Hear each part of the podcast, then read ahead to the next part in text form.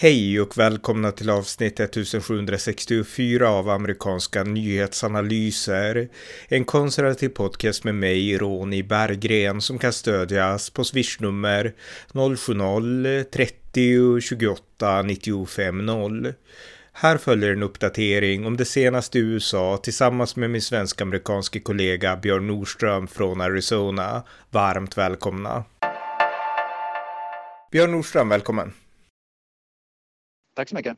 Eh, ja, vi ska uppdatera igen om det senaste som hänt i USA, så att eh, du kan börja i vanlig ordning. Ja, jag vet inte hur mycket vi har pratat om i tidigare poddar sen vi hade vår senaste podd och det här uh, Kevin McCarthy och uh, the Speaker of the House situationen, men det verkar inte som att Kevin McCarthy kommer att kunna bli speaker. Nej, Nej jag poddade i och... förrgår poddade jag mycket, men idag har jag inte tänkt med alls, så du får gärna uppdatera om vad som har hänt idag. Ja, han har, han har förlorat, jag tror två omröstningar idag med, eh, torsdag. Och eh, Alexander Ocasio-Cortez tyckte att nu är, det, nu är det dags för en demokrat att få chansen istället. Och så var det någon annan demokrat som sa att man ska bilda en koalitions, citattecken, regering, koalitions eh, situation mellan demokrater och republikaner i representanthuset, vilket naturligtvis republikanerna inte ställer upp på, så därför finns det inga röster för heller. Um, utan det här verkar bli en ganska segdragen historia. Grundproblemet som jag har läst, som jag, jag har läst mycket, en hel del om det här nu, och grundproblemet är att det är en, ett antal republikaner, någonstans 15-20, som anser att Kevin McCarthy är del av problemet, inte lösningen. Med andra ord, han står för nära Demokraterna och han vill inte genomföra fundamentala förändringar i representanthuset som krävs för att, eh, för att liksom få ordning på USA igen med andra ord. Man tycker han är för mycket till vänster. Mm. Uh, och uh, det är nu en, vad heter han i North Carolina, det var en, um, en uh, kongressman, från, Dan Bishop från North Carolina. Han har sagt rakt ut att om Kevin McCarthy väljs som Speaker of the House så kommer jag avgå min position omedelbart som kongressman. Så att det, det, det är en splittring som är ohållbar. Som liksom inte, det går inte att gå vidare med här. Nej, nej, alltså det, nu läser jag att det har varit nu den nionde omröstningen som man har förlorat nionde, ja. och de ska ja. nu, nu håller de på ja. med den tionde så att när vi pratar. Så att eh, det här är, nej men du verkar rätt, det här verkar inte gå vägen och det är synd därför att han är den som har störst, liksom, han har ändå störst stöd av liksom republikanerna, även om de här är kritiska. Donald Trump har också gett honom sitt stöd, men det verkar inte hjälpa. Eh, yes. Matt Gates har sagt att Donald Trump är bra i mycket, men här har han fel ungefär. Så att, eh, nej men vad de här gör, alltså det är att de saboterar för partiet. För det här innebär i praktiken att Demokraterna, de ser ut som segrare och det kanske blir en kompromisskandidat som är liksom, ja, som nästan är demokrat. Så att det här är ju inte bra för partiet, det är liksom övergripande. Ett namn som har kommit fram nu, det är en kille som faktiskt inte jag hade hört talas om speciellt mycket. Jag har väl hört namnet en gång men jag visste inte någonting om honom. Han heter Byron Donalds. Han är en svart republikan för, eh, jag kommer inte ihåg vilken delstat, South Carolina, North Carolina. Jag minns inte vilken delstat, får man kolla upp det där. I alla fall, men han är, hans namn börjar florera nu. Och han börjar bli nominerad nu av de här andra republikanerna. Och uh, hans två stora grejer, vilket jag helt stödjer. En är gränssäkerhet. Han vill få ordning på gränsen med Mexiko. Nummer två, han vill få ordning på ekonomin. Och det är väl nog ingen som kan motsätta sig det inom Republikanska partiet. Nej, nej, nej. Så att det är i alla fall en, det, det är, en, det är en, en, ett namn som börjar florera mer och mer. Och när hans namn kom upp så är det, det finns en, en kvinnlig kongress, eh, kongressledamot för Demokraterna som heter Corey. Minns inte hennes sista namn, det är en svart kvinna i alla fall. När hans namn kom upp så blev han anklagad omedelbart av, dem, den demokratiska kongresskvinnan för att vara en, en, eh, en marionett åt, åt vitmakten. Med andra ord, han är en black prop. Med andra ord, han är bara där som en, liksom en svart person. Men han, svarar, han gav svar på tal och blev skitförbannad direkt. Mm. Och, och liksom skällde ut den här kvinnan. Då, därför att Demokraterna kan inte, fortfarande inte acceptera att oj då, det finns ju faktiskt svarta som är republikaner. Det liksom accepterar inte många demokrater tyvärr. Nej, nej det är en viktig poäng, absolut. Eh, nej, men då spelar ju ett spel båda två, både de här republikanerna och demokraterna. Men nu kan du bara sitta still i stolen och smila. då behöver inte göra de här utspelen, för då framstår, framstår ju de i dålig dag liksom. Så att, eh, ja. Eh, ja, ja, Det blir spännande att följa, det blir spännande, extra spännande. Trump verkar ju inte ha något att säga till om i det här, utan de kör sitt eget race. Så att det, alltså, frågan är om det finns någon kraft utifrån som kan, kan liksom bryta den här deadlocken. Och jag har svårt att se det. Svar nej, absolut inte. Och för att nämna historiskt, det här är första gången sedan 1923 som det här har skett och man måste gå tillbaka till 1800-talet för att för att hitta mer än tio omröstningar. Jag tror det var nio omröstningar eller något sånt där uh, 1923. Och man måste gå tillbaka till 1855 för att hitta massa omröstningar som har varit ännu mer, liksom fler omröstningar än det som sker nu. Va? Så att det här är någonting historiskt som inte har hänt på 170 år. Mm. I alla fall. Ja, nej precis. Eh, ja, vi får fortsätta följa det här. Har vi någonting annat? Ja, Twitterfilerna, det är allt mer information framkommer ju där. Och nu kommer det släppas Twitterfiler nu tydligen som, som kommer att visa att Biden och administrationen under Biden var i eh, censorship business, med andra ord. De var i censurering, censureringsbusiness i flera år, har varit det i flera år. Så att, eh, och det är precis som vi det var pratat om. Med andra ord, Joe Bidens uh, administration har försökt jobba med Twitter för att få Twitter att censurera och, och vad ska man säga, blocka människor helt enkelt. Mm. Med andra mm. ord, eh, inskränka på yttrandefriheten. Ingenting som jag är förvånad över, men det är skrämmande att det sker. Mm, ja, verkligen, verkligen. Ja, till och med Bidens kabinett, liksom administration, ja. Mm, just det. Eh, ja, något annat? Yep. Jajamän, Katie Hubbs blev insvuren och är, hon, har, det är då hon som är ny um, guvernör för delstaten Arizona här. Och hon har redan visat vilken hycklare hon är. Nummer ett, hon, under hennes valkampanj så pratar hon väldigt mycket om att hon ska vara transparent med hur pengarna kommer in till henne, vilka som donerar pengar till henne. För hon ville då visa att jag kommer att vara transparent och ha liksom en transparent budget och när folk donerar pengar så kommer jag visa upp vart, vart donationerna kommer ifrån. Och idag så, jag tror idag faktiskt, som hon har en inaugural ball, med andra ord någon slags stor fest då för hennes som inte har skett på flera decennier nu. Mm. Men i alla fall hon vill återinstifta den för sig själv. Och privata person, privatpersoner och företag har donerat till den balen men, men samma Katie Hobbs som under valkampanjen pratade om transparens vägrar att, att vara transparent vilka företag det är som har, som har donerat pengar till den här balen i alla fall. Så det visar ju direkt att hon, det var bara skitsnack under valkampanjen mm. med, med att vara transparent. Mm, just det. Eh, jag har också läst att Biden har hållit ett tal om immigration, att han vill begränsa invandringen, men jag har inte sett talet, utan jag har bara läst någon rubrik om det. Och att, eh, ja, man vill, nu vill man försöka åtgärda det här på något sätt, men jag vet inte om det är en bra plan eller om det är en tuff plan eller någonting. Har du hört något om det här? Jag tror inte det är någon plan. Hans enda plan det är att han har beslutat sig för, han har lovat att han ska åka ner till El Paso i Texas för att titta på gränsen hur det ser ut där. Det är den enda planen han har egentligen. Så nej, han har ingen plan utan han ska nu enligt han säger åka ner och besöka El Paso. Mm. Och jag tror inte han kommer att komma fram med någon plan heller ärligt talat. Jag tror att han, han, han har inget större intresse av det och sen så tror jag att han att Kamala Harris var ju chef för det där. Hon har ju totalt liksom droppat bollen, tappat, liksom spelat bort sig på det. Jag tror att de vet inte vad de håller på med i, i, i, uh, under Biden helt enkelt. Va? Och det kommer inte fram några planer utan det, det kommer att bara vara två års till två år av kaos. Ja, det, det jag läser nu, alltså jag ska inte gå in på det här på djupet för jag läser för lite, men det jag läser är att en del av planen kommer att vara att ta in, liksom göra dem legala, så att de får komma in legalt, några av dem. ja, nu ska jag inte... Ja. Jag menar, vad är det för en plan? Va? Vi löser problemet med illegala invandring, vi gör alla legala, ja men då har man, då, okay, då har man inga, inga problem längre med illegal invandring om alla blir legala direkt. Det är liksom Nej. lösningen som inte är någon lösning, det är idioti. Ja, det är fullständig idioti, ja, men det är liksom Biden jag ska. Ja, jag ska inte dra för långt för jag läser för lite, så att det är säkert ett stopp för många också, men det var ganska roligt att läsa just bara det här om liksom i sammanhanget med mass, mass liksom invasionen. Eh, ja, något annat? Ja. ja, jag såg nu det här skrämmande siffra.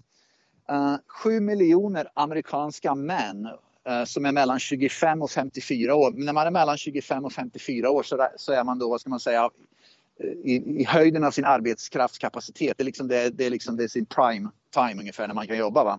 De där 30 åren i alla fall. 7 miljoner amerikaner mellan 25, amerikanska män som är mellan 25 och 54 har helt givit upp att söka jobb och skaffa jobb. De har liksom bara de har liksom gett upp. De har gett upp på livet. Det finns, de är helt utanför arbetsmarknaden. De söker inte jobb. De har bara totalt gett upp.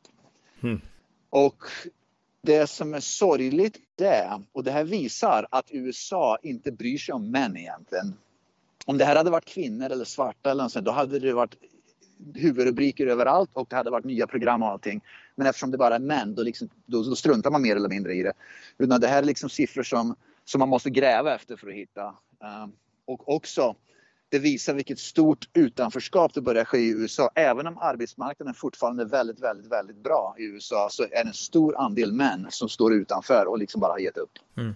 Ja, gett upp hoppet helt enkelt. Ja, det är illa att de har gett upp hoppet, men precis som du säger, alltså det här är en grupp som ingen bryr sig om. Alltså ingen fokuserar på vita män i liksom medelåldern, utan de, de, de är liksom bara, de betecknas som förövare och de betecknas som de starka i samhället. Alltså, precis. Alltså, så att det är ju helt, samhället har blivit helt upp, upp och nervänt och det är ju liksom hela den här woke-kulturen och, och liksom annat. Ja. Precis, och, det, och sen undrar ju då människor varför det var så många vita män som röstade på Donald Trump 2016 och 2020 då. Och det är ju precis de här männen som samhället ger upp, ger upp på. Det är de som röstade på Trump för att det liksom, han var deras enda hopp ungefär. Mm. Så att demokrater och vänsterliberal media ser fortfarande ingen koppling mellan framförallt på vita män, men män i medelåldern som står utanför samhället och hur de röstar politiskt. Nej, nej. Eh, ja, något annat? Alldeles utmärkt här. Eh, en, en lärare i eh, delstaten Washington, som då är en vänsterliberal delstat, hade på sig en MAGA-hatt, keps till skolan. Det var för ett tag sedan då. Men i alla fall, eh, och den läraren blev tillsagd att man får inte ha på sig en MAGA-hatt, keps till skolan. Men eh, det hamnade i alla fall hos domstolen och uh, läraren vann i domstolen därför att um, att ta på sig en MAGA-keps i skolan uh, är helt, faller inom yttrandefriheten, First Amendment. Mm, just det, det, det är någonting som, som, är självklart för oss. Men det är i alla fall bra att det är liksom en domstol i Washington, delstaten Washington, uh, verifierar, bekräftar mm. att, uh, att, att First Amendment fortfarande gäller. Mm, ja, verkligen, absolut. Eh, ja, vi fortsätter. Har du något annat? Ja, uh, fick ett tips här eh, från en person som sa, och det är ganska intressant det här, det finns ett gym tydligen som heter Equinox. Och Equinox, uh, många amerikaner gör ju nyårslöften att gå till, start, börja gå till gymmet. Så första januari så skriver massa amerikaner upp sig för ett, för ett, för ett gymmedlemskap för att gå och träna, liksom, bli i bättre form och så vidare. Va? Men det finns tydligen ett gym som heter Equinox som vägrar ta in nya medlemmar under januari just för att bry att vara mot den kulturen gissar jag då, att man ska då inte vara del av den här normen då att första januari eller i början av januari ska man bli med i gym i alla fall. Mm. Och det är i alla fall en intressant grej. Men i alla fall, det blir väldigt mycket backlash över det. Att man i, man i princip vägrar människor som vill börja motionera och gå till gymmen och träna och liksom förbättra sin fysik. Att få, att, man, med andra ord, gymmet vägrar att de får göra det. Så att deras, de vill framställa sig då som, antar jag, som som woke och, liksom, eh, och det där men att det slutar med tvärtom att de framstår istället som att de hindrar människor från att kunna förbättra sin, sin fysiska situation. Just det, just det. Mm. Ja, eh, jag har inte så mycket idag alls så att har du något mer så kan du bara dra din ja, lista där. Mm. Ja, jag har några saker för er. Eric, Eric Adams återigen, han som är borgmästare för New York City, har återigen skällt ut Joe Biden och säger att eh, immigration, så här, illegala immigrationsproblemen vid mexikanska gränsen är en, en embarrassment, vad heter det på svenska? En eh, skam, pinsamhet. Heter det? Pinsamhet. för landet. Och det, ja, och det här är väldigt intressant nu. Tydligen så är det eh, i Chicago och i Illinois så börjar poliserna, politikerna bli förbannade på Joe Biden. Nu i, förut så var det ju bara illegala migranter som skickades upp från i början. Då. Från Texas, från Florida, från Arizona. Då, republikanska delstater. Men nu är det illegala migranter som, som går från demokratiska delstater in till andra demokratiska delstater. Som andra ord, det är inte längre bara liksom migration av illegala migranter från republikanska till, till demokratiska delstater utan det är från demokratiska till demokratiska. Hmm. Så att problemet har liksom blivit mycket större nu än bara...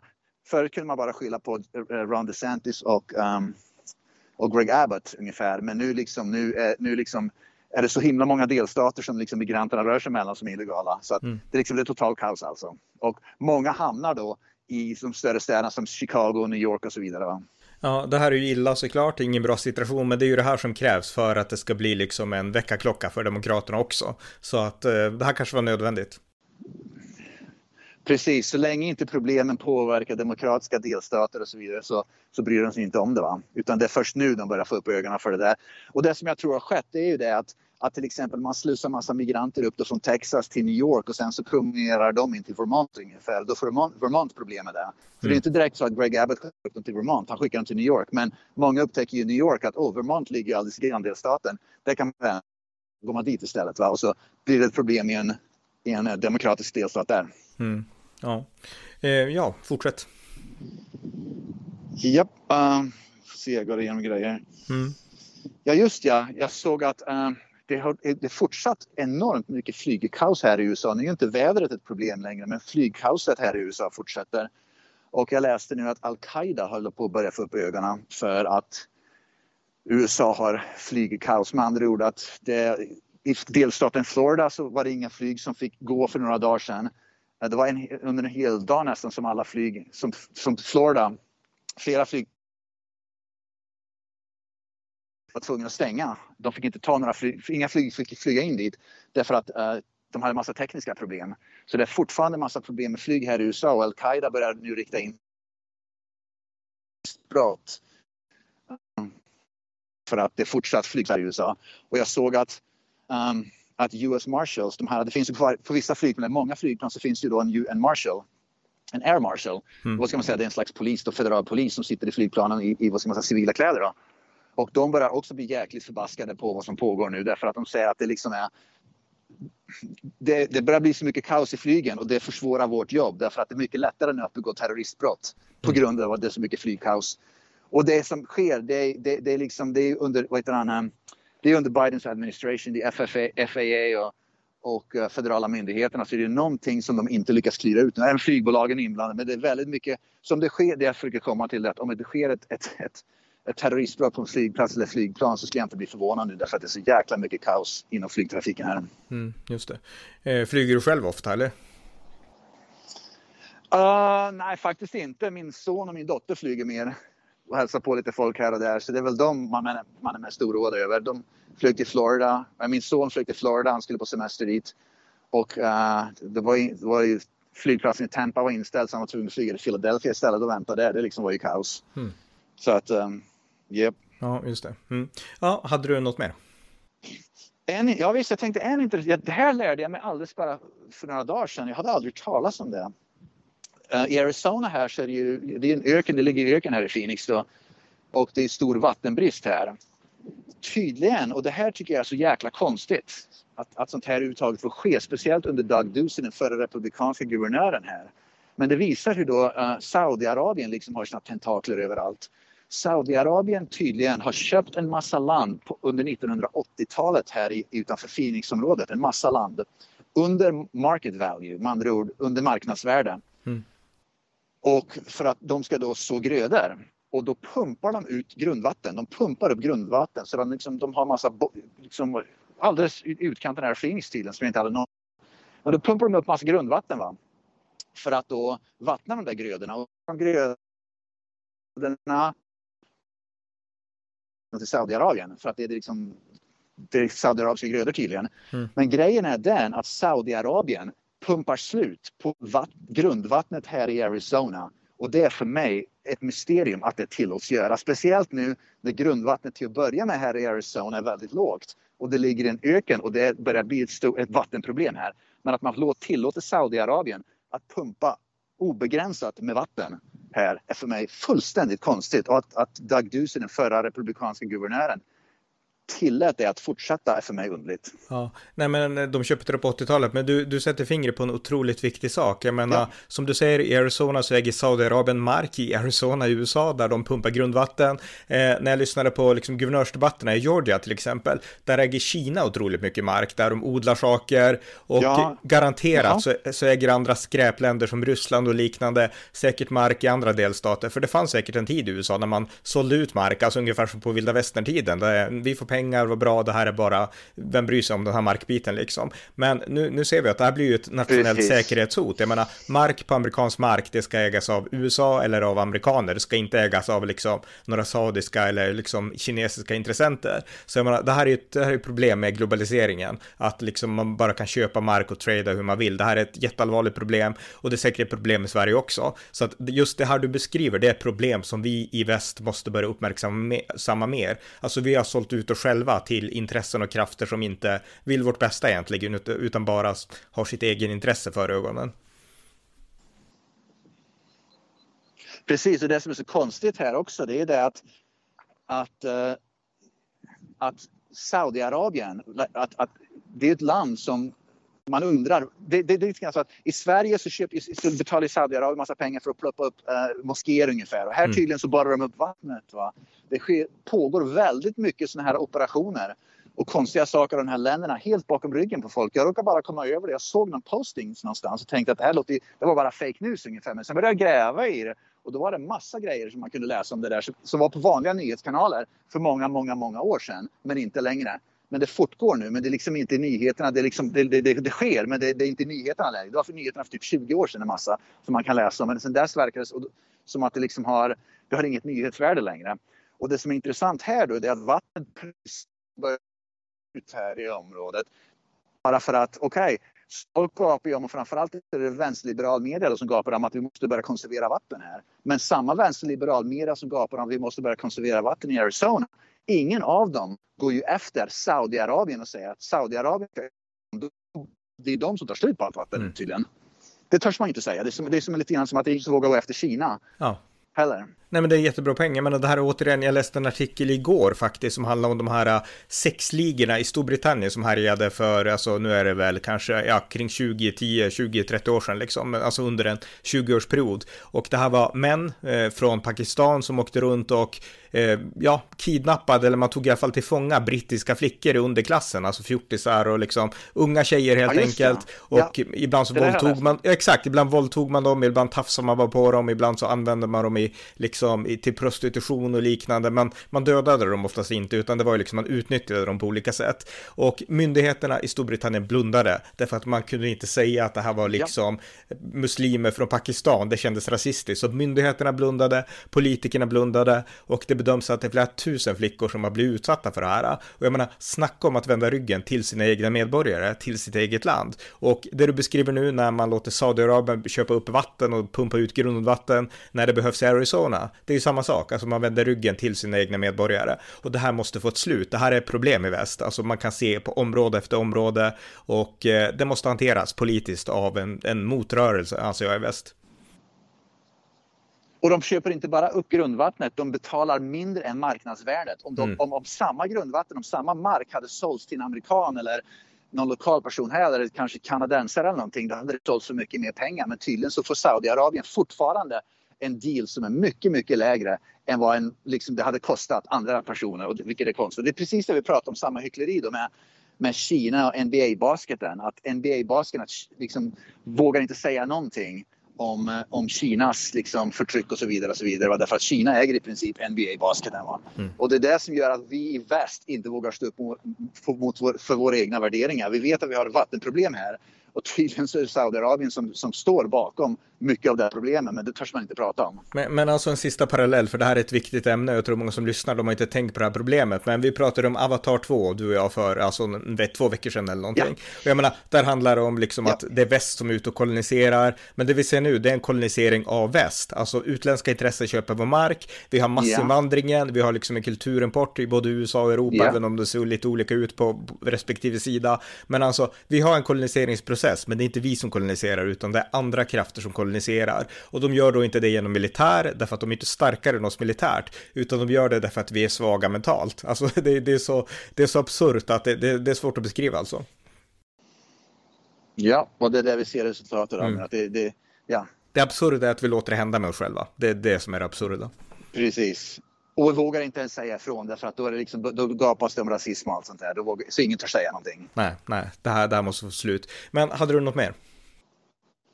Två saker till. En sak är att vi får ju se nu när, när på grund av att det inte är någon Speaker of the House som är plats än så House representanthuset kan inte göra någonting. De är liksom helt förlamade. Det finns ingenting de gör. Man kan inte hålla på i kommittéer, man kan inte lägga fram legislations, man kan inte utreda, göra någonting. Så för varje dag som det inte är en Speaker of the House så förlorar man en dag för att kunna göra ett jobb. Och jag såg att, att det finns en lång lista på utredningar som, som Republikanerna vill göra, bland annat mot Hunter Biden, mot Joe Biden angående gränssäkerheten mot Mexiko och så vidare. Va?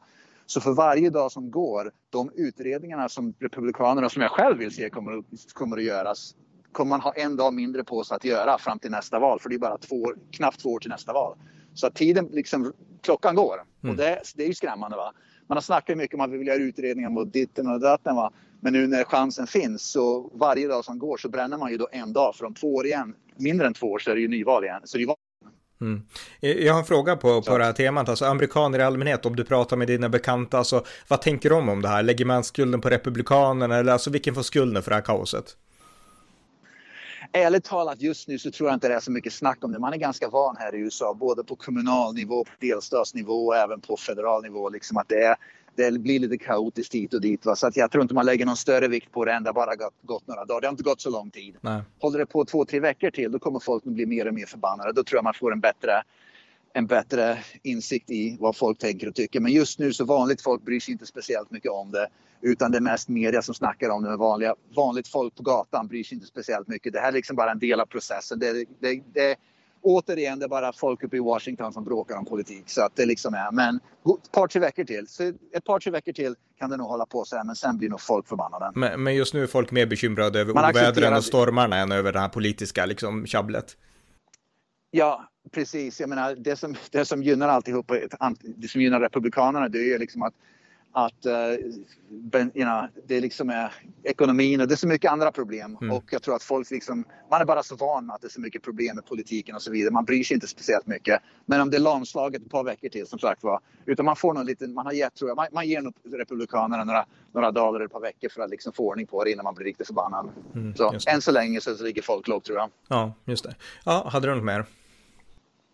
En sak till. Jag såg att många företag som har gått woke, du vet vad många företag som, som gick woke för två, tre år sedan och vi, och vi pratar i den här kontexten inte om de här filmbolagen eller tv-serier någonting utan vanliga företag som Nike och de där som då började göra massa reklam och de skulle liksom sända ut sådana här virtue signaling och allt sånt där för att bli woke. Det visar sig nu, för att de försökte då fjäska in sig hos vänsterliberalerna, framförallt hos vänstern då, det visar sig nu att de är de stora förlorarna därför att samma vänster de företagen försökte fjäska in sig för genom att bli woke.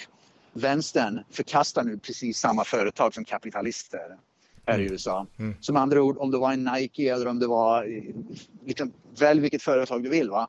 De, de liksom blev omfamnade i början när de gick woke därför att vänstern tyckte det var toppen att få dem med sig. Va? Men nu när det har gått ett par år så har vänstern helt förkastat dem igen. Så att, äh, äh, och samtidigt då som många konservativa slutade köpa av de företagen därför att de liksom äh, bojkottade de företagen då. Så att företag för ett par år sedan så är det, det var dålig business nu visar det sig. De fick varken konservativa med sig och de tappat sin vänster nu. De, de får skylla sig själva helt enkelt.